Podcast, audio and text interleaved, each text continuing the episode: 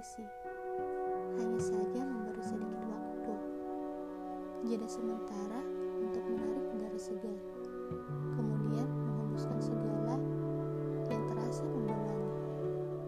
Setelah semua terasa lebih tenang, maka kita akan kembali. Tentu saja dengan jiwa yang lebih utuh. Semangat yang kembali terisi penuh. Tak apa melarikan diri, sah-sah saja.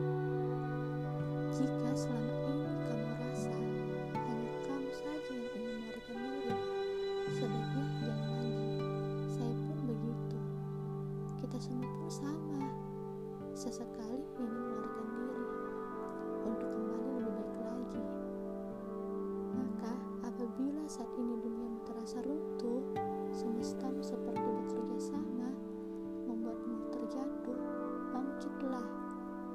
Larikan diri sejauh-jauhnya terlebih dahulu. Setelah semuanya terasa membaik kembalilah.